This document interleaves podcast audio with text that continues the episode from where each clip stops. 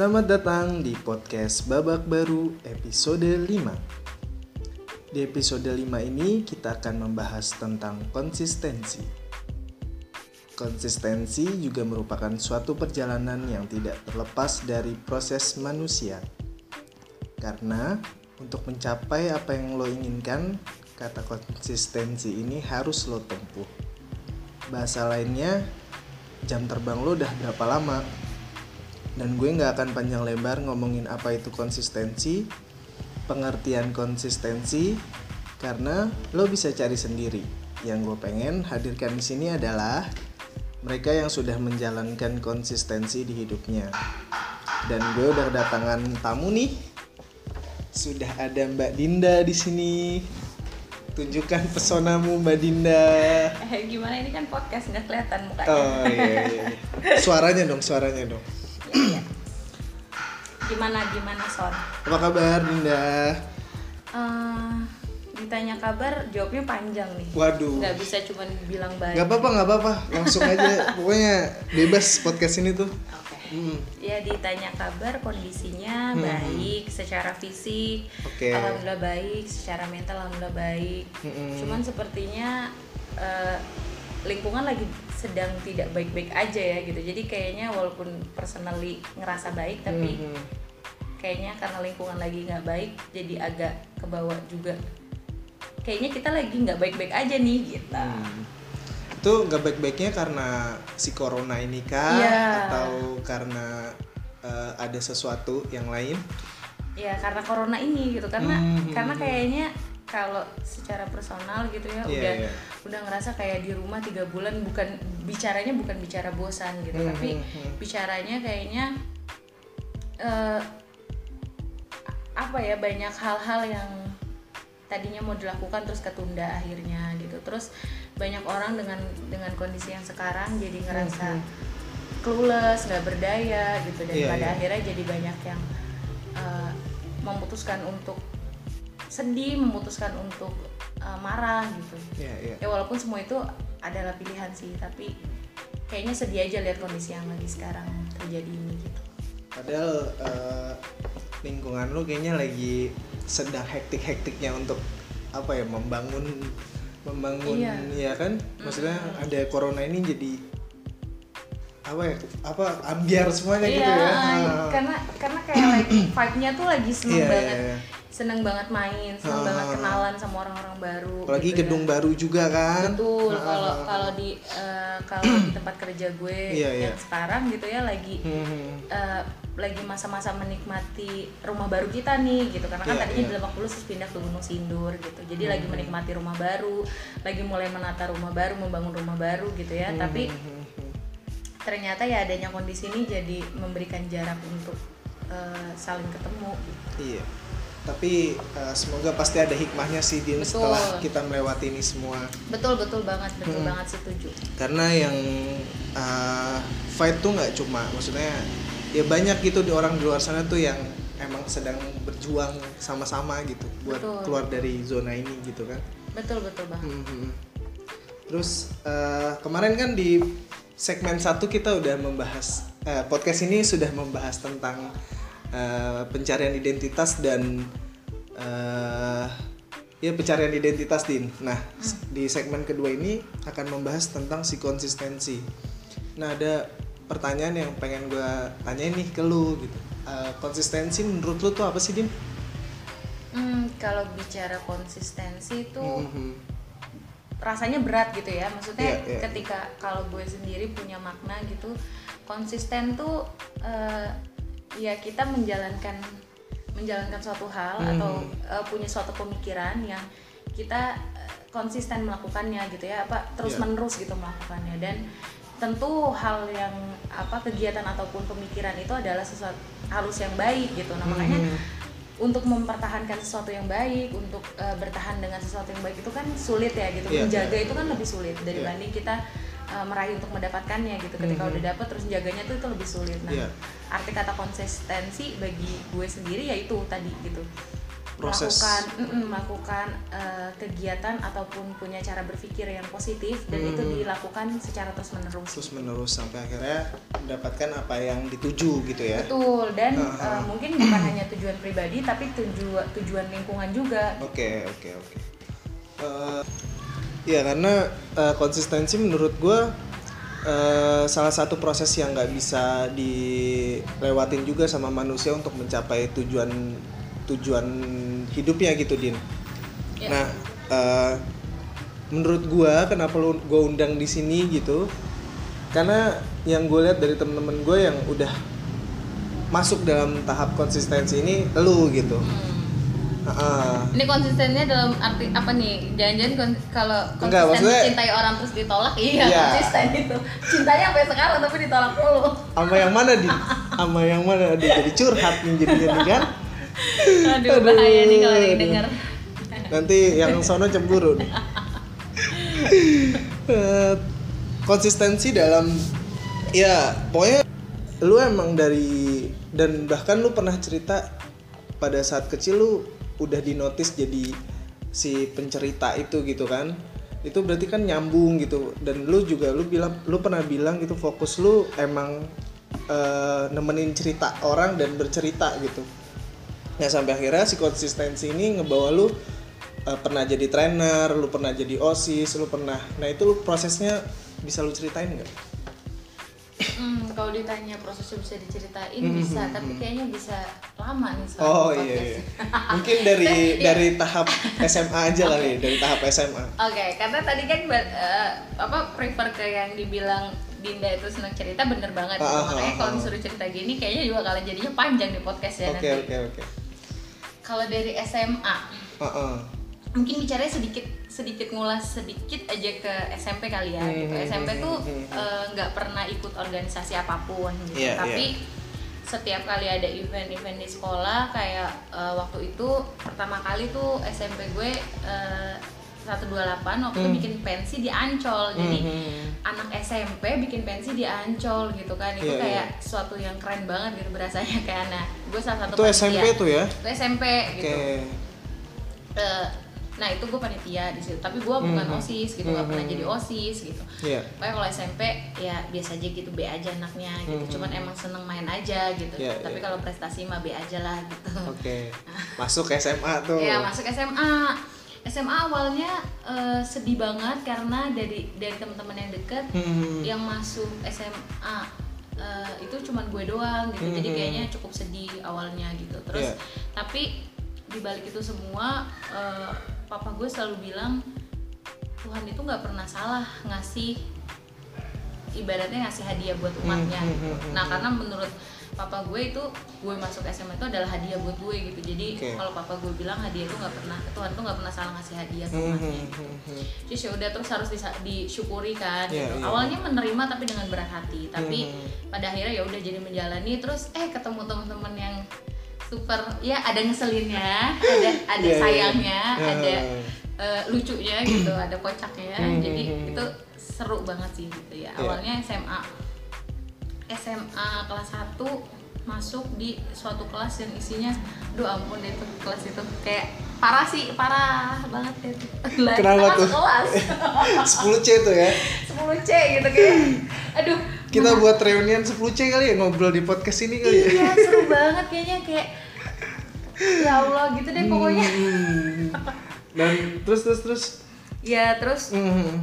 eh, pas SMA gitu eh, kan by the way ini kan kalau podcast lu nggak bisa ngeliat gue tuh mukanya kayak apa ya Eh. gitu nah eh, by the way gue tuh gendut gitu ba- berbadan besar wanita berbadan besar gitu kan nah terus eh, di SMA gue selalu punya maksudnya eh, sebenarnya dari gue SMP gitu dari gue SD gue selalu bilang dan bertekad sama diri gue sendiri gitu ketika Hmm. orang mengenal seorang Dinda nggak boleh mengenal seorang Dinda dalam sisi eh, poin dalam cara ber- cara melihatnya tuh gendutnya gitu tapi Hmm. orang harus bisa lihat seorang Dinda dari dari sisi yang lain gitu Ya, makanya akhirnya Betul. dan eh, attitude-nya Iya Ya, gitu ya, makanya ya. akhirnya itu itu selalu dibangun gitu. Nah Hmm, kelas hmm, 1 hmm. SMA eh, nggak pengen jadi yang biasa-biasa aja, pengen punya sesuatu. Hmm. Akhirnya eh, pada saat masa mos gitu ya biar dilihat sama kakak kelas gitu jadi itu strategi by the way Iya, iya, emang iya. anaknya kadang eh, pinter bacot doang gitu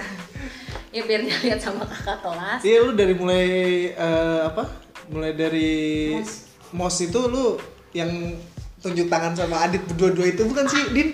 Iya ya? iya iya tapi gue Iya, malu iya. deh sekarang kalau diingat itu freak banget kayaknya. Gokil sih itu udah di situ tuh udah wah udah pada langsung udah pada notice semua tuh ya iya iya Iya, tapi itu sebenarnya Iya, gue baru inget tapi iya iya. Terus tapi terus itu sebenarnya salah satu strategi son Iya, iya, gitu. iya, karena strategi lu ya balik lagi ya. Mm-mm, papa gue juga selalu bilang gitu kalau kamu udah jadi kalau kamu udah kecemplung di suatu kolam ya jangan terus akhirnya diem aja jadi tenggelam gitu. Hmm, gimana hmm. caranya harus berenang sampai ke tujuan gitu. Nah Oke. makanya dengan kayak gitu dengan eh, papa gue sering ngomong kayak gitu terus gue berpikir ya bener juga Hmm, sih gue udah hmm, kecemplung di sini gue harus bisa jadi harus orang harus bisa lihat gue gitu Iya. orang harus kenal seorang Dinda gitu Iya. dengan cara pandang yang berbeda gitu Oke. bukan dengan kayak seorang Dinda yang gendut gitu nggak yang kayak gitu tapi seorang Dinda yang yang pengen gue branding gitu Hmm. makanya pada akhirnya ya itu tadi tunjuk tangan mulut sebenarnya satu strategi tapi agak malu sih terus eh, iya iya emang Dinda dari dulu tuh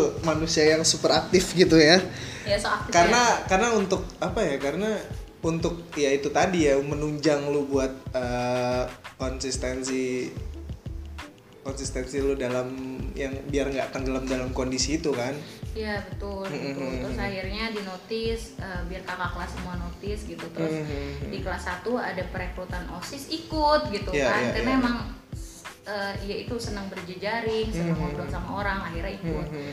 Ikut OSIS, eh ikut pemilihan OSIS terus keterima. ya Lupa deh pas kelas 1 jadi apa?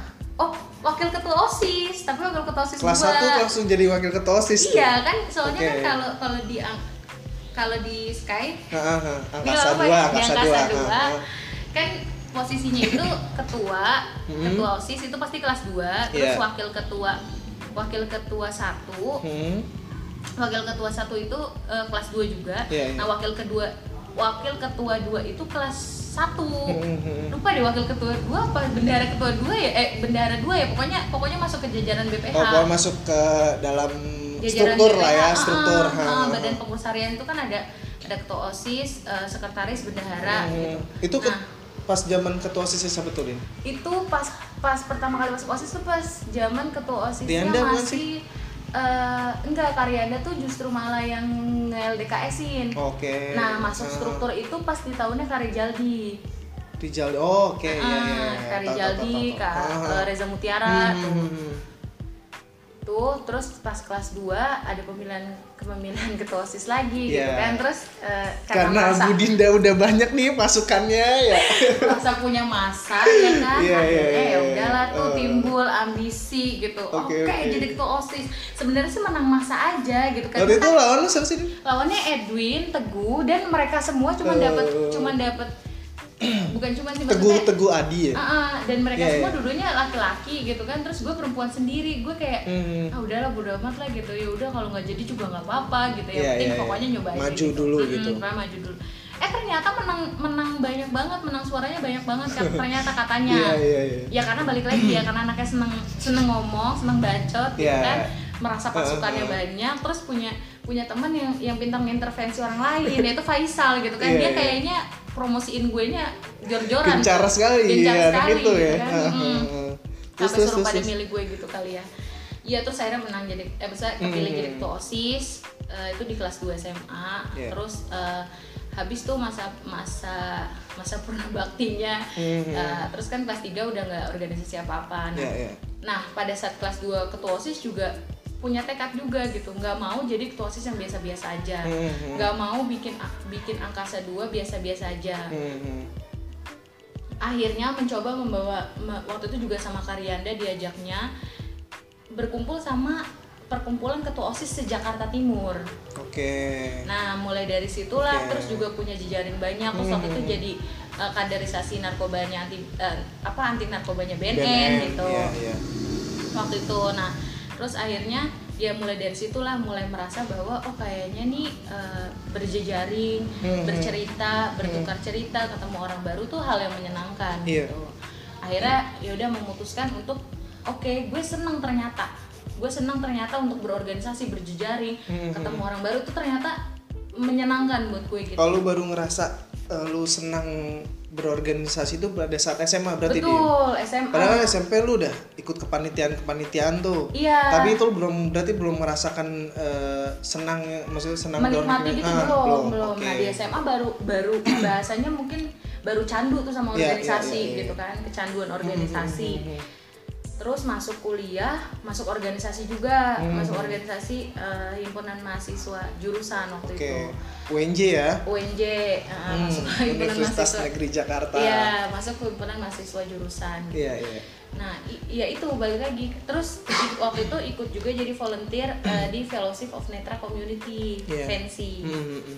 Nah, ternyata menyenangkan ya gitu berjejaring, Hmm. berorganisasi, ketemu orang baru kayak gitu-gitu tuh menyenangkan buat gue gitu dan gue Iya. menikmati hal itu. Gitu. Jadi terus sekarang memetakan salah satu hal yang gue petain juga adalah oh gue ini orangnya senang berjejaring dan senang berorganisasi gitu, senang iya, senang iya. ngobrol gitu oh oke berarti this is me gitu ini gue Dinda adalah orang yang senang berjejaring dan senang ngobrol gitu Itu lu dapetin di eh, SMA SMA berarti. Oke, siap, siap. Terus eh, pernah OSIS juga, pernah di kampus juga lu pernah beberapa kali cerita lu pernah jadi trainer ya, Din. Itu Iya. trainer apa tuh? waktu itu eh, balik lagi ya karena eh, terima kasih juga untuk Universitas Negeri Jakarta ya Iya. Eh, jurusan pendidikan luar sekolah karena waktu itu dikasih kesempatan untuk Iya, jadi iya. untuk eh, karena tugas mata kuliah terus Hmm. kita harus kayak apa sih mengabdi sampai KBM gitu Iya, iya. pusat kegiatan belajar masyarakat Hmm. Terus pada akhirnya waktu itu dikasih kesempatan menjadi trainer motivasi untuk eh, kelulusan kelas 3 gitu. Mungkin Oke. kayak wah ini ini dapat panggung pertama kali nih Son. Jadi dapat Hmm. panggung pertama kali jadi seorang trainer.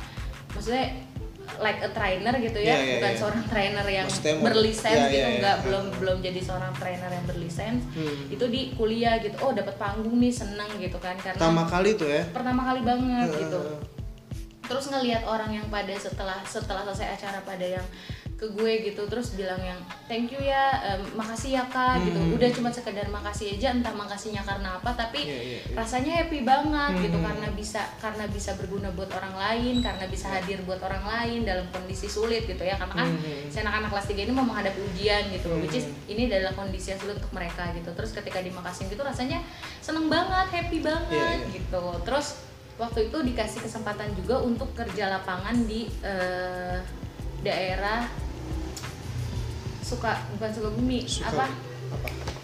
Tanggerang Banten yang yang daerah-daerah pantai Carita ke sana gitu loh Aduh lupa namanya daerah apa sih pokoknya daerah pantai Carita ke sana mau ke mau ke deketnya Pela- bukan Pelabuhan. Bu- enggak nggak nyampe ke Baduy pokoknya dia pesisir pantai dia Carita Ya, terus itulah, Anyer ya pokoknya pokoknya itu, itulah ya. Heeh, Ah, lupa banget daerah-daerah namanya apa. Ah, terus waktu itu juga dikasih itu eh, apa namanya ngajar kan ngajar Hmm, ngajar hmm, SD gitu nah rasanya kok happy banget juga ya gitu karena Hmm. sharing ilmu terus ketika ketika lagi jalan dipanggilin bu guru bu guru gitu oh itu happy banget rasanya gitu seneng Iya, iya, banget iya, gitu iya. karena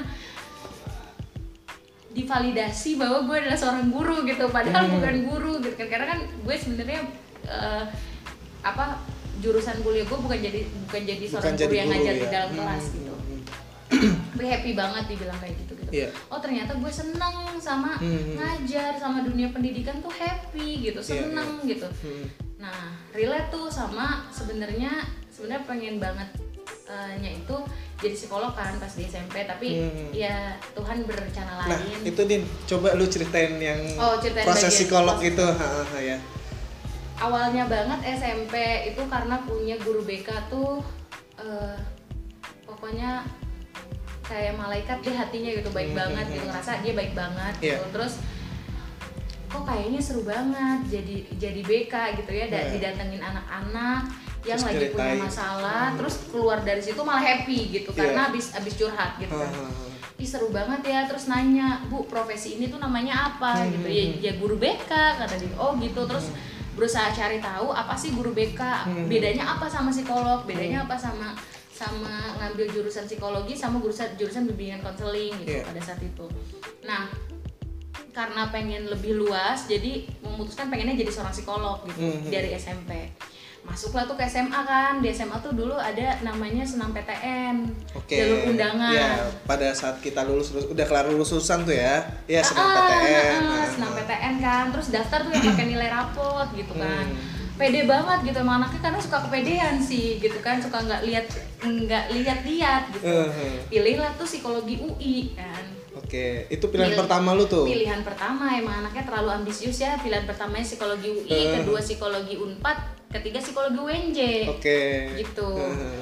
tiga-tiganya nggak masuk gitu kan ternyata nggak masuk SNPTN berarti nggak nggak lolos Nggak tuh. lolos, padahal udah dikasih tahu sama Bu Esti juga gitu. Bu Esti tuh guru BK, guru BK yang di SMA. Oke. Dikasih tahu Din, kamu yakin Din ngambilnya eh, psikologi UI? Yakin Bu, yakin, yakin pede gitu anaknya kepedean kan ya gitu.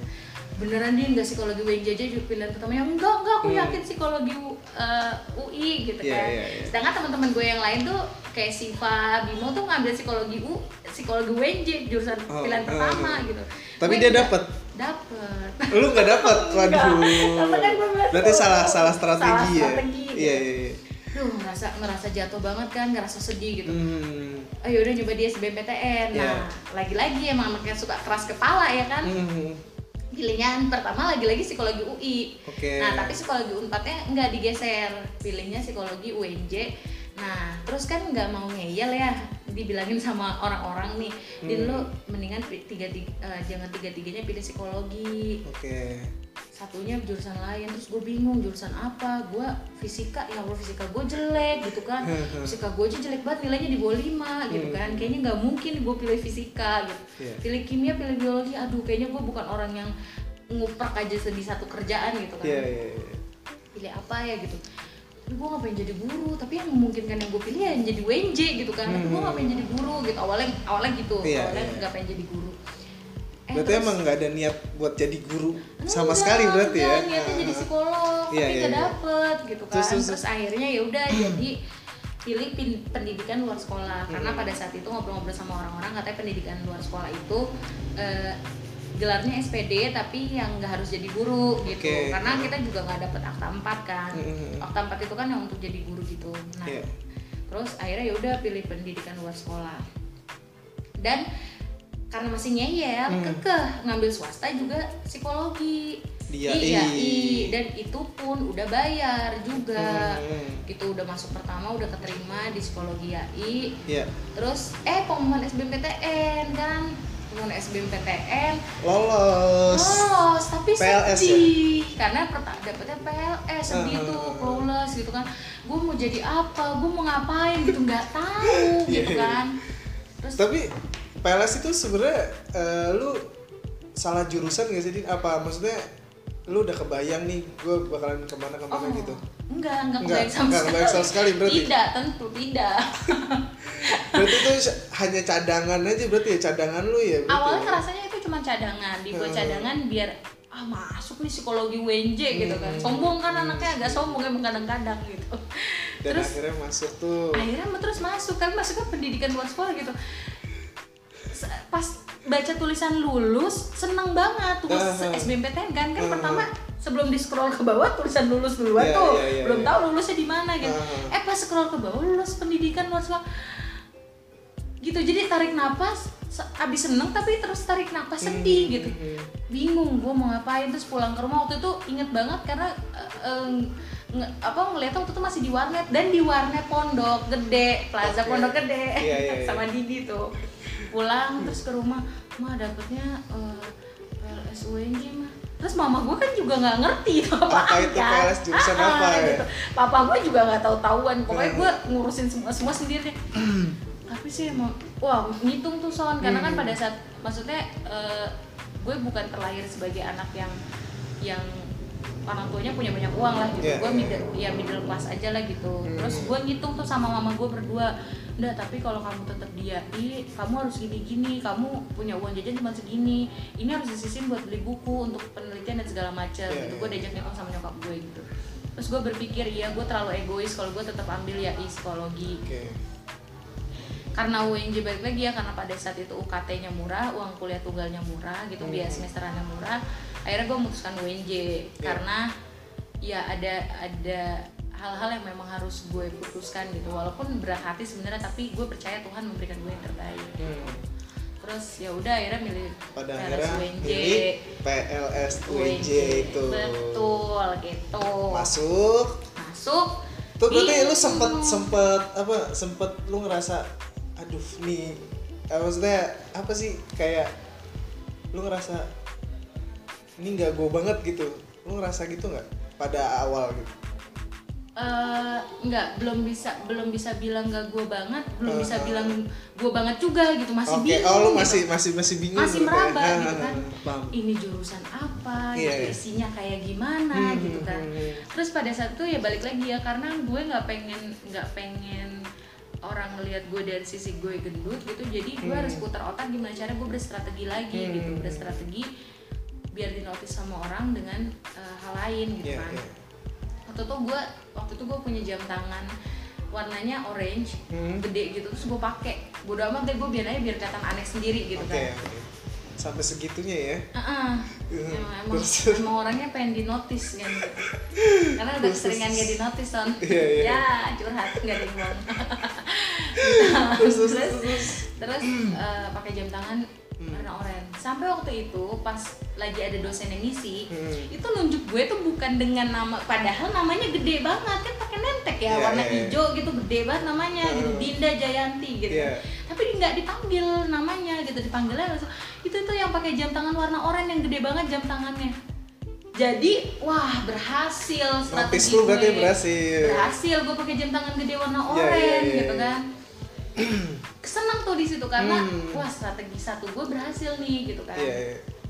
saya ya udah tuh dipanggil suruh suruh inilah suruh kayak Hmm. menyampaikan pendapat gitu tentang waktu itu lagi bahas tentang eh, mata kuliah yang beliau ampu gitu Iya, terus ngasih ngasih ngasih kuliah feedback umum gitu lah gitu ya. Ah, terus gue ngasih suruh ngasih feedback terus gue ngasih feedback udah tuh nah terus dari situ gue mempelajari gitu ini Hmm. sebenarnya gue bukan sih gitu Dan sampai satu semester berjalan gue masih merasa bahwa gue belum bisa bilang ini adalah gue gitu kan Iya. ini adalah jurusan buat gue bu- belum gitu Hmm, di Nah, semester 1 tuh ya. Eh, eh, belum semester satu Hmm. semester dua juga masih agak ragu nah semester tiga baru Hmm. bisa bilang this is me gitu gue Iya. mau ada di sini gue mau beneran ada di sini dan Hmm. ini yang gue cari gitu Hmm. karena ternyata di PLS gue harus bisa jadi banyak jadi banyak bisa harus bisa jadi banyak peran gitu karena kan PLS itu kan pendidikan luar sekolah Iya. di mana sebenarnya pendidikan masyarakat pendidikan untuk Hmm. masyarakat gitu Hmm. nah waktu itu di kenapa gue bisa bilang itu di semester 3 kita eh, kuliah lapangan ke eh, Yang ke Carita itu. bukan Oh, yang ke Carita bukan. itu semester 6 kalau ini ke Sukabumi. Pasir Pasir Gauk apa ya? Ya Pasir Gauk, bener. Nah, Namanya itu- Pasir Gauk. itu pantai. daerah? Da- pantai daerah Tangerang. Pokoknya Oh, Tangerangnya oke. Tangerang Banten yang Iya, iya. gitu deh jauh gitu. Nah, aku Pasir Gauk pada saat itu dikasih tugas gimana caranya bisa memberikan penyuluhan ke masyarakat Hmm, pesisir hmm. gitu. Bingung iya, karena pada saat itu pas ke masyarakat pesisir eh, gue kaget gitu. Kok ini orang ngomongnya teriak-teriak gitu Oke. nggak ngerti kan gitu Iya, nggak iya. tahu terus ternyata setelah mempelajari setelah dua hari di sana baru mempelajari oh iya ya karena kan ombak kencang Hmm. jadi mungkin dia Oh. udah bising gitu loh Son. jadi harus nadanya tinggi intonasinya tinggi yang itu Iya. gue nggak paham nah di situ gue merasa tertarik sama PLS nih gila PLS bisa ngebawa gue ke tempat yang kayak gini dan pada akhirnya gue Oke, jadi bisa iya, iya. jadi bisa kenal banyak orang oh Hmm. ternyata orang pesisir itu kenapa dia ngomongnya keras ya karena dia berlawanan sama Iya, iya, apa suara ombak gitu Hmm. jadi akhirnya kalau ngomong biasa pun nggak deket ombak pun kenceng Iya. gitu kan Ah, ah. Jadi akhirnya kenal gitu wah gila nih jurusan nih mantep banget nih ternyata gue bukan cuman bukan cuman bisa belajar tentang manusia gitu karena psikologi kan gue memahaminya pada saat, eh, itu adalah mempelajari eh, manusia gitu kan Iya, iya. mempelajari seorang manusia Seorang gitu manusia. nah wah ini gue cuma bukan cuma dapet ini nih kalau gue di PLS gitu Hmm. nah mulai dari situ gue mulai jatuh cinta sama PLS Oke. Itu di semester tiga 3 ya. Oke. Dan itu mulai mulai apa namanya lu mulai mulai ngerasa seneng gitu lu di jurusan PLS itu ya. Uh-uh. Dan terus ah, pada akhirnya lu ngebawa lu jadi eh, penuh strategi lagi tuh di hidup lu tuh berarti. betul kan Ah, kayaknya memang ya balik lagi ya karena papa mama gue selalu bilang gitu Hmm. inget ya kamu tuh tidak terlahir sebagai anak yang semuanya tersedia. Mhm. tapi bukan berarti uh, kamu nggak bisa punya gitu jadi Iya. ya pada akhirnya gue harus berstrategi hidupnya gitu Iya, maksudnya iya, harus iya. mem- harus benar-benar di dipikirin harus benar-benar dihitung oke, gitu oke. harus benar-benar inilah gitu terus waktu itu mikir wah gue kuliah murah nih UKT-nya gitu tapi Hmm. kok teman-teman gue banyak yang dapat beasiswa gue enggak ya gitu Oke. ambisi dong anaknya ya kan Eh. gue harus cari beasiswa nih Mhm. gue waktu itu ikut eh, beasiswanya Ta- Tanato Foundation Mhm. tapi Itu nggak Din? keterima Itu beasiswa beasiswa tanat eh, beasiswa yang diberikan sama Tanato Foundation tapi gue nggak keterima Oke, oke.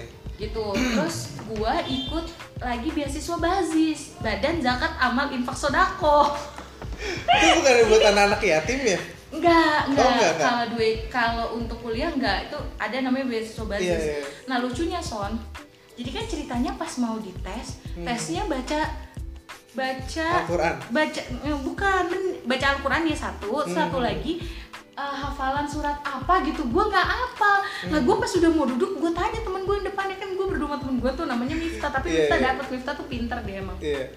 gue tanya sama Miftah tak tadi apaan tesnya gitu kan Hmm. baca ini gue lupa baca semua lah anjir gue nggak bisa lagi kata Iya, gue iya, iya. udah gue nggak jadi ah lu serius din udah nyampe di sini lu nggak jadi udah gue nggak jadi padahal itu tinggal tahap wawancara Waduh.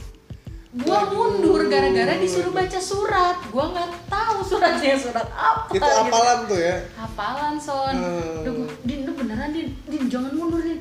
Aduh gue nggak bisa nih gue nggak bisa. Gue bilang gue ngerinya pas nyampe depan gue ngeblank gue bilang Hmm. Iya, gitu. akhirnya gue nggak dapet juga tuh basis. Ya udah akhirnya gue pulang. Terus akhirnya? Gue merasa kalah banget sih di situ. Gue ngerasa wah tumben nih seorang Hmm. Dinda kalah dengan keadaan yang seperti ini gitu. Karena itu nggak ya nggak persiapan juga gitu kan nggak Hmm. nggak nggak kebayang kalau gue disuruh hafalan gitu ya Terus gua hafal, salah satunya hafalannya surat surat Al-Quran lagi ya? Mm-mm, dan gue lupa tapi surat apa gitu Hmm. udah tuh Tama tuh gagal, basis gagal akhirnya gue Hmm. ikut beasiswa PPA prestasi akademik Hmm. dan alhamdulillah dapat prestasi akademik Oke, gitu itu yang lampirin eh, i- nilai IPK itu ya? IPK betul Ah. Nah itu dapetnya alhamdulillah eh, apa namanya lumayan gitu Iya, bukan, iya, ya, iya. bukan lumayan sih alhamdulillah banyak gitu satu gue bayaran murah kedua jadi nggak bayaran karena ada PPA akademik Hmm. terus i- terus eh, apa namanya jadinya ibaratnya uang UKT-nya bisa gue buat gue Iya. kuliahnya gitu bisa buat Hmm. gue jajannya buat gue ke kampusnya gitu Iya. jadi alhamdulillah UKT jadi udah ke cover gitu kan Hmm. ya udah gitu terus ya udah terus eh, itu pencarian beasiswa nah FYI dari mulai gue masuk bayaran UNJ sampai gue lulus nyokap gue nggak pernah namanya ke UNJ nggak tahu tahuan itu dia kampus gue kayak apa Iya, iya, iya. gitu Tapi kalau udah di kuliah kayaknya emang orang tua tuh kayak udah lepas aja sih. iya dia. bener banget kayaknya nggak tahu gitu bayaran kuliah sendiri waktu itu kehujanan duitnya jatuh Iya, terus iya. di di apa di angin anginin sama satpam BNI beneran Eh, itu inget banget tuh. Jadi ya perjalanannya cukup struggling sih. Eh, sampai hari ini juga masih struggling sih. Gitu. Oke, berarti strategi hidup lu, dan maksudnya pola pikir lu kebentuk karena keadaan iya nggak sih din? Gue ngerasanya aduh kayak bener gitu. banget bener banget Nah, parah. karena orang tua lu ngajarin lu buat eh, kritis dalam dalam pilihan-pilihan lu gitu kan. Makanya akhirnya kebangun pola pikir lu yang gue harus ngapain ngapain ngapain gitu kan itu sih bener banget Heeh. terus sampai akhirnya kelar kuliah tuh udah tuh Mm, kelar kuliah kuliah. rampung oh ada cerita yang menurut gue juga seru pada saat Oh, gue apa tuh? pada saat gue uh, wisuda Hmm. gue ngerasa wisuda tuh nggak ada gue ngerasa nggak terlalu nggak terlalu se- selebrasinya nggak terlalu gue rasain gitu karena kenapa ketik kayak orang-orang kan pada make up gitu ya Sonia make up pakai Ini mua pada saat wisuda nih? wisuda gue oke. enggak gue nggak milih gue nggak sama sekali pakai mua gue dandan sendiri yang gue juga nggak tahu dia tuh bentuknya kayak apa gitu makanya gue Hmm. punya foto wisuda cuma satu udah gue nggak mau lihat-lihat lagi wisudaan gue Iya, iya, iya. udah tapi kumlot nggak waktu itu pada saat itu alhamdulillah kumlot Waduh, luar biasa ya. Emang sudah terlatih gitu dari SMA ya kan, kuliah Iya. kumlot. Hmm. Iya alhamdulillah Terus terus terus. gitu. terus. karena kan punya kewajiban di prestasi akademik ya kalau nggak bagus ntar dicabut beasiswanya gue Iya, nggak punya iya, duit iya. lagi ntar Terus kan terus terus. terus. iya terus orang-orang pada make up gue mah enggak make up Hmm. sendiri gitu kan terus Hmm. nih ya uh, asal lo tau aja gitu temen gue pada pada pas foto eh buka toganya buka toganya gue kagak mau buka toga orang gue dalamnya bukan pakai kebaya gue pakai kaos doang sama sama apa sama Oh berarti kain langsung toga gitu eh langsung toga gitu berarti. gue pakai toga dari rumah karena gue nggak mempersiapkan apa apa gue nggak punya kebaya Oh. kain aja kain bekas kakak gue Iya, iya. gitu karena emang gue nggak mempersiapkan gitu Hmm. maksud gue ya udahlah wisuda itu cuma selebrasi Iya, gitu iya, iya. yang harus gue Hmm. yang harus gue pikirkan adalah setelah wisuda gue mau ke mana ngapain. gitu kan Hmm. itu gue benar-benar pakai kaos doang temen gue pada eh buka din toganya buka toganya pakai pakai apa namanya eh, biar kita fotonya ada yang nggak pakai toga Enggak, udah gue nggak gue pakai toganya gue bangga banget sama toga ini padahal gue nggak nggak dalamnya nggak kebaya son Hmm, gitu hmm, hmm. tapi gue agak speak speak aja sama temen-temen gue jadi mohon maaf ya kemarin pada ngajakin gue foto gitu kalau gue nggak buka toga Iya iya. gitu jadi karena gue ngerasa bahwa wisuda itu hanya hanya sekedar Selebrasi. selebrasi Hmm. tapi justru malah setelah wisuda tuh gue mau ngapain Iya. gue orangnya Sebenarnya perjalanan lu baru dimulai di situ gitu "Ah, ya. Hmm. karena gue orangnya sebenarnya agak overthinking ya dan ketakutan akan masa depan sebenarnya Hmm. jadi membuat gue kayaknya hidup harus selalu berstrategi gitu Iya iya. gue Oke, sangat takut Oke. akan masa depan gitu Udah tuh kelar kuliah, wisuda, segala macem. nah alhamdulillah terus sebelum sebenarnya Hmm, itu sebelum ijazah turun soal ijazah Hmm. turun eh, jadi waktu itu gue nge-reply eh, ngebales instastorynya temen gue pas gue kenalan di eh, lagi magang di PKBM Hmm, hmm. gue balas Hai Bu, apa kabar? Gue bilang gitu kan. Eh, Ih seru banget sekolahannya gitu kan. Waktu itu Hmm. temen gue kerja di salah satu sekolah gitu Oke. pas saat sekolah terus gue tanya kan hai bu apa kabar gitu terus gue iseng anaknya kan gue masih ngobrol jadi gue iseng Iya. nanya ada lowongan nggak gitu Oh. dong gue nanya ada Oh lowongan itu jadi tidak kesengajaan tuh berarti masuk ke nggak sengaja son Oke. tanpa semua tanpa rencana gue cuma Uh-huh. bilang waktu itu sama sama pacar gue gitu ya namanya Aji ya Iya. pacar C disebut. iya Iya. dong sebut dong Terus terus. terus. Iya, nah kan aku pengen aku pengen banget deh Hmm. eh, ngajar atau aku ada di ada di sekolahan yang yang nggak biasa gitu Iya, iya, pengen iya. pengen bisa mengembangkan diri soalnya Hmm, pada saat itu. hmm, hmm. Terus yang dia juga punya kurikulum eh, kurikulum internasional gitu. Gua waktu itu bilang sama Aji gitu. Itu belum kebayang sama sekali gue Bakal ngajar apa? bekerja di Hmm, ah. hmm. terus gue whats eh, apa nge DM tuh waktu itu apa kabar gitu ada lowongan gak terus jawab dong gitu yang gue bikin kaget juga ada lagi nyari guru IPS Waduh. gue bilang tapi guru IPS sedangkan gue anak IPA dalam hati gue awalnya gitu kan Iya, iya, tapi iya. kan karena gue kuliah jurusan IPS dan Hmm. pada saat magang gue juga ngajarnya ekonomi sama sejarah Hmm. oh gue punya pengalaman juga gitu Hmm. tapi gue tanya dulu pertamanya ngajar IPS-nya kelas berapa gitu karena gue nggak kebayang kalau ngajarnya kelas 1 kelas 2 kan Iya, masih iya, iya, iya. Masih belajar materi yang Hmm. mendalam gitu ya. Hmm. ngajar kelas 3 drilling soal kayak bimbel. Oh ya udah gue terima dong karena gue juga pernah ngajar bimbel. Iya. ngajar apa eh, privat bimbel gitu. Oh oke ya udah gitu. Ah, terus langkah berikutnya aku harus ngapain nih bu? Gue bilang gitu kan. Hmm. udah kirim CV gue ngirim CV dong. Gue malam itu juga gue ngirim CV eh paginya jam 10 eh, din besok kalau misalkan besok wawancaranya bisa nggak? Wah panik dong gue pada saat itu. Hmm. Panik banget. Ji gimana nih Ji? Besok suruh ini gini gini gini. Terus tuh sama Ji. Ya kan ini udah yang kamu mau sama Tuhan langsung didengar langsung dijawab. Ya udah dijalanin gitu. Iya, iya. tadinya gue udah mau mundur tapi gue bilang nyokap gue kan mah gimana nih mah tapi kalau misalkan sampai nggak terima ntar ini banget malu-maluin. Gue nyebut lah nama temen gue itu Iya. malu-maluin dia gitu kan. Nggak apa-apa coba aja dulu coba. Udah yang penting sekarang mau pokoknya coba aja dulu insya Allah kalau rezeki gitu kan. Hmm. Nah, akhirnya terus gue berangkat tuh waktu itu pakai baju.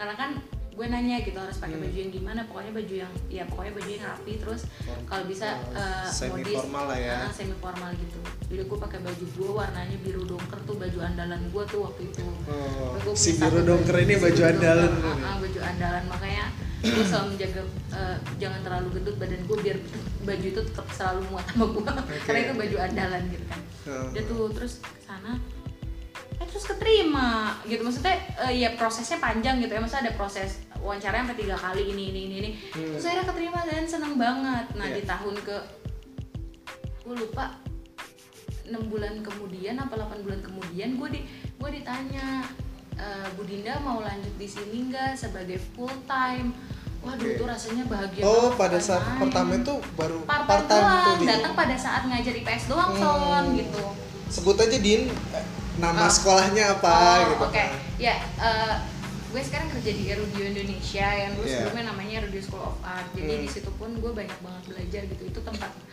pokoknya tempat gue belajar deh kalau gue selalu bilang gitu sama teman-teman gue bahwa Erudio Indonesia bukan cuma sekedar tempat kerja tapi Hmm. ini adalah lab kehidupan gue di mana gue belajar lebih memahami manusia lain Iya, gue iya. belajar menerima diri gue sendiri Hmm. gue belajar belajar menjadi tenang belajar Iya. menjadi berdamai gitu gue belajar di situ di Erudio nah sampai pada akhirnya sekarang dikasih suatu amanat yang yang sangat menurut gue sangat berat gitu ya Iya. walaupun Jadi apa Bu? Dinda?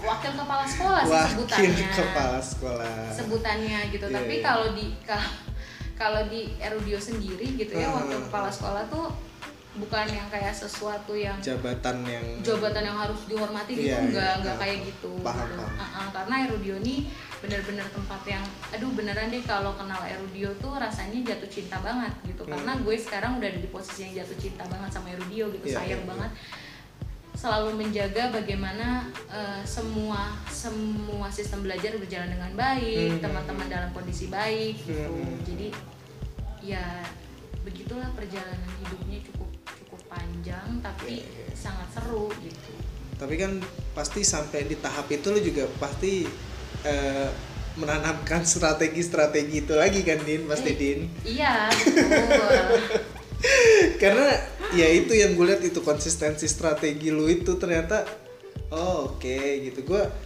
paham gitu maksudnya te- pola pikir yang kayak gitu tuh ngebawa ngebuat lu tuh eh, tahan banting gitu di setiap kondisi gitu. Iya memang di setiap harus. di setiap apa ya di setiap iya kondisi gitu iya memang harus Hmm. harus kayak gitu. Kalau pak ya balik lagi ya karena Hmm. gue sangat gue sangat cinta banget sama papa mama gue gitu. Hmm, hmm, hmm. kayak nih sekarang ya itu ntar lu ceritanya ini dulu Iya. Eh, si Rudio tadi ah, sayang banget sama papa gue terus papa gue sering bilang gini ke gue ketika kamu menjadi seorang pemimpin di mana pun Hmm, kamu hmm, berada atau di mana pun kamu berteman dan Iya. kamu ber- eh, bergaul gitu ya Hmm. kalau papa gue selalu ngasih tahu cara kamu untuk merespon orang yang pertama dipikirin Hmm. terus dirasakan Hmm. baru dikeluarkan gitu Oke. bokap gue selalu bilang itu berulang-ulang gitu papa gue selalu bilang itu berulang-ulang makanya sampai saat ini gue ketika mau merespon orang mau Hmm. ngobrol sama orang ataupun mau mau melakukan suatu hal Iya. selalu gue pikir dulu terus gue rasain Hmm, hmm. baru gue keluarin gitu dan itu ternyata kepake banget sampai hari ini Oke. Ya. gitu Gimana eh, dengar omongan tadi tuh kayak gimana orang ber, orang bijaksana bertindak aja sih ya kan? Eh, Iya nggak sih? Iya mungkin bokap gue berharap gue menjadi seorang yang bijaksana tapi ya untuk sampai saat ini gue belum bisa Belum, bilang gue bijaksana gitu. Paham, paham, Mm-mm. Tapi ya mungkin itu harapan bokap gue ya gitu hmm, hmm, hmm. dan mama gue. Terus Gitu. masuk, eh, nah itu strategi yang tadi yang pas lu masuk Erudio tuh. Eh sebenarnya kalau strategi khusus nggak ada tapi yang pasti gini. Hmm, hmm. Karena Balik. mungkin jam terbang lu udah apa ya udah di udah terlatih gitu di SMA, di Iya. kuliah gitu sampai akhirnya di sekolah pun ya lu akhirnya pada pada berapa lama tuh din lu jadi wakil kepala sekolah? Maksudnya tahapnya prosesnya berapa lama? Dua tahun. Dua tahun. Luar Jadi biasa. jadi pertama itu Dua tahun pa- langsung perta- jadi jadi pertama itu jadi pertama itu part time terus Iya, iya. full time terus eh, jadi koordinator akademik Hmm, atau hmm. dikenalnya sebagai manajer akademik Iya, gitu ya. iya, iya. Terus eh enggak, sorry. Jadi part time, full time koordinator eskul, Hmm. terus eh, Koordinator akademik. akademik yaitu ada si Iya, manajer iya, akademik iya. ini baru wakil kepala sekolah gitu. Oke. Waktu itu saat nawa dapat penawaran itu juga berat banget gitu rasanya Hmm. bakal ada eh, tanggung jawab baru yang harus gue pegang Iya, gitu. iya. Ya gitu sebenarnya berat banget tapi ya harus tapi dijalanin gitu dan Mhm. justru malah banyak pembelajaran banget makanya gue sangat berterima kasih sama Erudio karena Iya. sampai hari ini sangat impactnya tuh impactful banget buat hidup gue gitu gue Mhm. kalau nggak ketemu sama Bu Ira Bu Marda Kak Berry Iya. Bu Iyeng gitu gitu Iya. pertama kali tuh yang nerima gue waktu itu Bu Iyeng jadi Hmm. dia juga sangat sangat memberikan gue banyak pembelajaran gitu ya pokoknya Hmm. orang-orang radio gitu kayak Yofi gitu Bu Mira banyak banget deh Bu Dia yang Hmm, hmm. pokoknya banyak banget deh orang-orang Erudio tuh semua gue sayang banget deh sama orang-orang itu sampai rasanya jatuh cinta kalau udah jatuh cinta tuh kan kayaknya aduh susah gitu terus sama murid-murid gitu ya ngerasain Hmm, murid hmm, hmm. kelas 3 terus lulus gitu Iya, iya. itu rasanya patah hati yang beneran yang anjir gue mau ditinggal gitu kayak Iya, iya, mau iya. ditinggal Aha. walaupun mereka bukan maksudnya ditinggal untuk lulus lulusan gitu itu rasanya Hmm. patah hati banget karena udah sesayang itu gitu Iya, iya. sayang gitu sayang sama orang-orang yang ada di dalam situ gitu Itu emang Erodia tuh emang berbasis kekeluargaan gitu ya nggak sih? Iya salah satunya ya memang kekeluargaannya Uh-huh. kenceng banget gitu karena kami selalu percaya bahwa setiap orang itu eh, punya keunikannya masing-masing, Hmm. setiap orang itu punya kemampuannya masing-masing. Jadi kami semua saling menghargai Eh, kemampuan yang kami punya gitu satu sama Hmm. lainnya gitu. Makanya kenapa pada akhirnya gue bisa tumbuh tumbuh menjadi yang seperti ini gitu. Gue merasa udah mulai bisa berdamai sama diri sendiri gitu, Ya. mulai bisa memahami banyak orang gitu, Ya. mulai bisa mengatur dan mengontrol emosi baik itu emosi senang maupun emosi sedih gitu ya Hmm, ya karena gue ada di Erudio gitu, salah satunya gitu terus Iya. Erudio juga selalu mem- apa mengajak gitu atau Hmm. mengajak membuat gue semangat untuk punya sesuatu hal lain gitu akhirnya lahirlah CK7 gitu Iya, iya. Oh punya iya. CK7 Dinda punya uh, Serikat 7 juga ya bareng teman-teman ya Mm-mm, Din bareng ya? teman-teman lima orang gitu. dan itu juga mereka wanita-wanita hebat banget karena dalamnya Hmm. cewek semua kan Iya, iya, iya. Itu apa? uh, fokusnya ke WO ya? Eh, sebenarnya awalnya fokusnya itu kita crafting Hmm, terus hmm, hmm. karena pada saat itu dapat ya lagi-lagi dapat dipercaya Hmm. bahwa mega waktu itu megang eh, pernikahan gitu ya dan Iya, iya. pengen memang pengen branding ke arah situ Hmm. akhirnya jadilah tadinya awalnya namanya cuma CK7 terus Hmm. muncul CK7 Group yang Hmm. di mana kita punya banyak eh, apa ya punya banyak Cab, uh, Iya cabang, cabang bisnis lah ya, gitu cabang. bukan cabang bisnis apa ya pokoknya punya banyak jenis bisnis Hmm, lah hmm, gitu hmm, hmm. Paham, paham. itu Oke, Eh, berarti cukup menarik banget sih, Eh, karena yang gue lihat gitu ya, Din. Berarti dari pemaparan lo hari ini gitu ya, Erudio tuh apa ya? Yang sudah dikasih atas perjalanan panjang lo, apa ya? Usaha besar lo di sebelumnya sih kalau kalau yang gue lihat gitu ya. ya alhamdulillah karena Heeh, heeh. karena Erodio ya yang lu bilang tadi gitu lu sangat cinta sama orang-orangnya dan lingkungannya gitu apalagi lu di situ peran lu juga sangat penting gitu kan sekarang gitu dan tanggung jawab lu sangat besar gitu Ya. Sebenarnya kalau bicara Hmm, hmm. peran yang sangat penting, eh, semua orang punya peran yang sangat Iya, iya. penting. Ah, gitu. ah, Mulai dari apa pun semua punya Hmm, hmm. punya peran yang sangat penting. Jadi sebenarnya kita semua saling bersinergi gitu. Hmm, Kalau kalau kita satu aja ada yang ibaratnya ada yang tidak bersinergi ya pada akhirnya jadi berdampak gitu. Jadi Iya. memang semuanya bersinergi dengan baik, semuanya eh, apa namanya punya perannya masing-masing. Iya. Berarti ketika eh, konsistensi ini lu udah lu jalanin gitu din lu ngerasa lu dapat apa di hidup lu din Ketenangan dan kedamaian. ketenangan dan kedamaian Iya, dan itu artinya luas banget menurutku Iya. gitu. Karena Hmm. bicara ketenangan dan kedamaian tuh rasanya kayak bicara tentang perjalanan hidup selama ini gitu ya. Hmm, hmm. Karena gue mulai accept gitu, accept diri gue bahwa ya tujuan hidup gue adalah kan gue ber- sering bertanya gitu ya kemarin-kemarin gue sering bertanya gitu pada saat gue SMA gue kuliah gitu gue sering bertanya sama diri gue kenapa ya kira-kira Tuhan nyiptain gue Hmm. kenapa sih Tuhan harus nyiptain seorang Dinda Jayanti Savitri Iya. gitu kenapa nggak Dinda siapa atau siapa orang lain gitu Hmm. kenapa harus Dinda Jayanti Savitri yang dipilih untuk diciptakan Hmm. dengan atas dasar kesetahuan gue gue menemukan jawaban itu gitu gue menemukan jawaban menurut gue Tuhan itu nyiptain gue karena gue harus hadir untuk orang untuk banyak orang gitu. Gue harus Oke. menemani banyak orang gue Hmm. harus gue harus bisa jadi penghibur banyak orang gitu. Jadi membahagiakan orang lain adalah tujuan hidup gue gitu. Ini emang kedengarannya klise tapi percaya beneran deh. Ketika gue ketika gue hadir untuk orang lain tuh rasanya bahagia banget gitu. Iya. bahkan gue ada di satu titik di mana gue ngerasa nggak berguna karena nggak ada orang yang minta tolong sama gue sampai segitunya berarti ya? Heeh, nggak ada orang yang datang sama gue buat curhat ataupun sekedar sekedar main nanya kabar gitu ya. Hmm. ada di titik yang kayak gitu jadi kayak semua orang ya maksudnya gue senang melihat orang lain bahagia tapi nggak ada yang datang ke gue untuk minta pertolongan tuh gue justru malah kayak aduh ada yang salah nggak ya sama diri gue gitu gue kenapa ya? Kok orang nggak ada yang datang ke gue minta tolong? Iya, iya, gitu. iya. gitu walaupun kadang ya nggak semua hal bisa gue tolong juga sih gitu. Kadang kalau ya, ada yang iya. kalau ada yang mau minjem duit berapa puluh juta gue juga nggak punya sih gitu kan.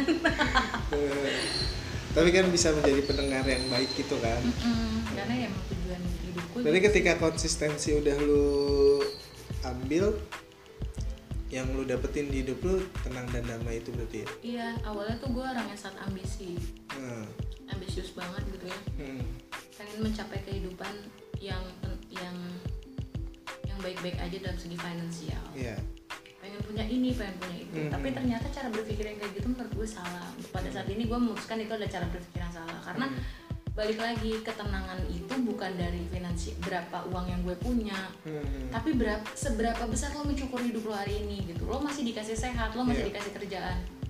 Lo masih bisa dikasih lo masih dikasih bisa sharing sama orang lain. Itu Hmm. adalah salah satu iya sesuatu yang udah besar banget Iya, gue. iya, terus iya. itu melihat papa mama gue bahagia gitu. Ya udah gitu udah cukup gue mau nyari apa sih gitu. Terus gue sampai sekarang berpikir gini hidup itu kan tujuannya cuma untuk mati ya? Hmm, Gitu, untuk mati? Menarik nih menarik nih. Iya iya. terus iya tujuan hidup itu cuma untuk mati gitu. Terus sekarang lo ngapain ngoyo untuk punya ini itu segala macam. ini itu gitu. Lo harus punya ya kalau emang nggak bisa terus kenapa? Kalau emang belum Tuhan belum ngasih itu ya udah nggak apa-apa gitu. Kayak iya. kayak ada ada orang-orang yang yang berpendapat kayak lo harus punya rumah dulu baru ini baru nikah. Lo harus punya mobil dulu baru ini. Lo gaji lo harus segini dulu baru ini. Ya kalau terus terusan gitu ya menurut gue capek sih lo hidup. Hidup lo kan ya sebenarnya harus kalau kalau baru-baru ini gue ngobrol sama mama gue gini mah tanah kuburan tuh satu kotak berapa sih mah ya paling 3 juta 5 juta kata mama gue nih gue juga gak tahu sih harga sebenernya berapa ya Hmm, kayak gue rasa gue gue perlu cukup nyediain uang untuk itu deh gitu Hmm. maksudnya harus punya save money untuk itu Iya, gitu iya. kan karena ya ketika lu mati terus lu nggak punya simpenan lu mau dikubur lu mau dibuang gitu ya kan nggak mungkin Hmm. gitu tapi pada saat lu masih bisa hidup masih bisa cari uang masih bisa punya penghasilan hmm. ya lo bisa bisa hidup tetap hidup di bawah atap gitu. Oke. Tapi ketika lu udah mati terus lu punya nyiapin buat itu terus lu mau dibuang gitu. Ya kan dibuangnya nggak mungkin gitu kan. Jadi kayaknya sepertinya sekarang ya yang harus disiapin banget ya itu gitu untuk persiapan Hmm. persiapan mati gitu. Sampai pada akhirnya sampai di tataran gue mikirin afterlife tuh kayak apa ya gitu. Itu udah agak pusing sih mikirin itu tapi sekarang tujuan manusia apa sih? Kan kalau kita percaya surga dan neraka kan tujuannya cuma surga dan neraka ya. Hmm. Itu ketika kita percaya kematian ya udah tujuannya adalah mati. Oke paham. Gitu. Tapi ya mungkin perspektif orang dalam memandang ya gitu sih kalau menurut gua perkembangan manusia tuh berubah-berubah gini mungkin di pada saat ini uh, lu tidak tidak apa ya aduh jadi panjang nih kalau itu nanti kita berdebat nih nanti. Udah oke oke. Itu closing statement dari Mbak Dinda terima kasih Mbak Dinda atas sharing-sharingnya oh, kalau mau disuruh closing statement closing statementnya ada satu. Oh ada. Apa tuh closing statement yang pasti ketika kita di mana pun kita berada jangan pernah menyakiti orang lain. Oke. Jangan pernah memakan hak orang lain. Hmm. dan jalanilah kewajiban kalian sebaik-baiknya. Hmm. pokoknya bener deh mau kalian berusaha se- segimanapun. Hmm. kalau gue pribadi gitu ya gue Iya, akan iya. berusaha se- semampu gue tapi dengan dengan cara yang tidak menyakiti orang lain tidak menginjak orang lain tidak mengambil hak orang lain. Hmm. kalau kita bisa mencapai sesuatu tapi dengan menginjak orang lain dengan mengambil hak orang lain menurut gue tuh nggak ada apa-apanya. Luar biasa. Sangat berbobot obrolan sore ini. Eh, cukup menarik. 54 menit din. Masih Ya. masih kurang apa uji aja sejam enggak kalau udah disuruh ngomong tuh jadi ngomong mulu gitu iya iya iya. Berarti eh, lu memaknai si konsistensi itu tadi tenang dan damai terus eh, berarti ca- cara mungkin pola pikir konsistensi orang eh perspektif konsistensi orang tuh beda- beda-beda gitu ya dan gue sangat mengapresiasi itu gitu sih din. Heeh.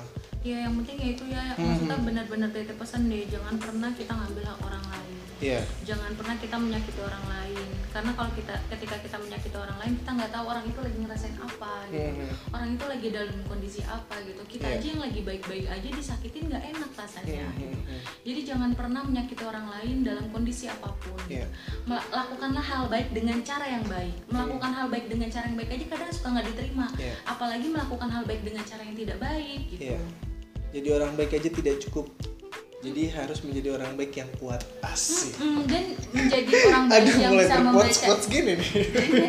dan menjadi orang baik yang bisa membaca situasi Hmm. gitu karena kadang perspektif kita kita baik melakukan hal itu tapi tentu iya. untuk orang yang lagi menjadi lawan bicara kita Hmm, ataupun hmm, lawan kita berkegiatan Hmm, gitu ya memahami orang itu adalah salah satu kunci yang penting juga Ya. Oke, siap Mbak Terima Dinda. kasih, Sony. Terima kasih atas sharing-sharingnya malam ini. Eh, udah itu aja. Mm-mm, itu aja tapi Eh. kalau ada sesuatu yang dirasa dasar tidak atau kurang pas buat teman-teman pendengar nggak apa-apa ya nggak usah didengerin Eh, untuk eh, project-projectnya Mbak Dinda bisa aja langsung follow Instagramnya Mbak Dinda Jayantis ya namanya. Ya, Instagramnya Dinda Jayantis, terus eh, Instagramnya CK7, CK7. CK7 Group, sama @CK7. Oke, siap. Eh, Oke, Mason eh, pamit dan Mbak Dinda juga Ya. Terima pamit. kasih pendengar. Terima kasih pendengar. Selamat malam.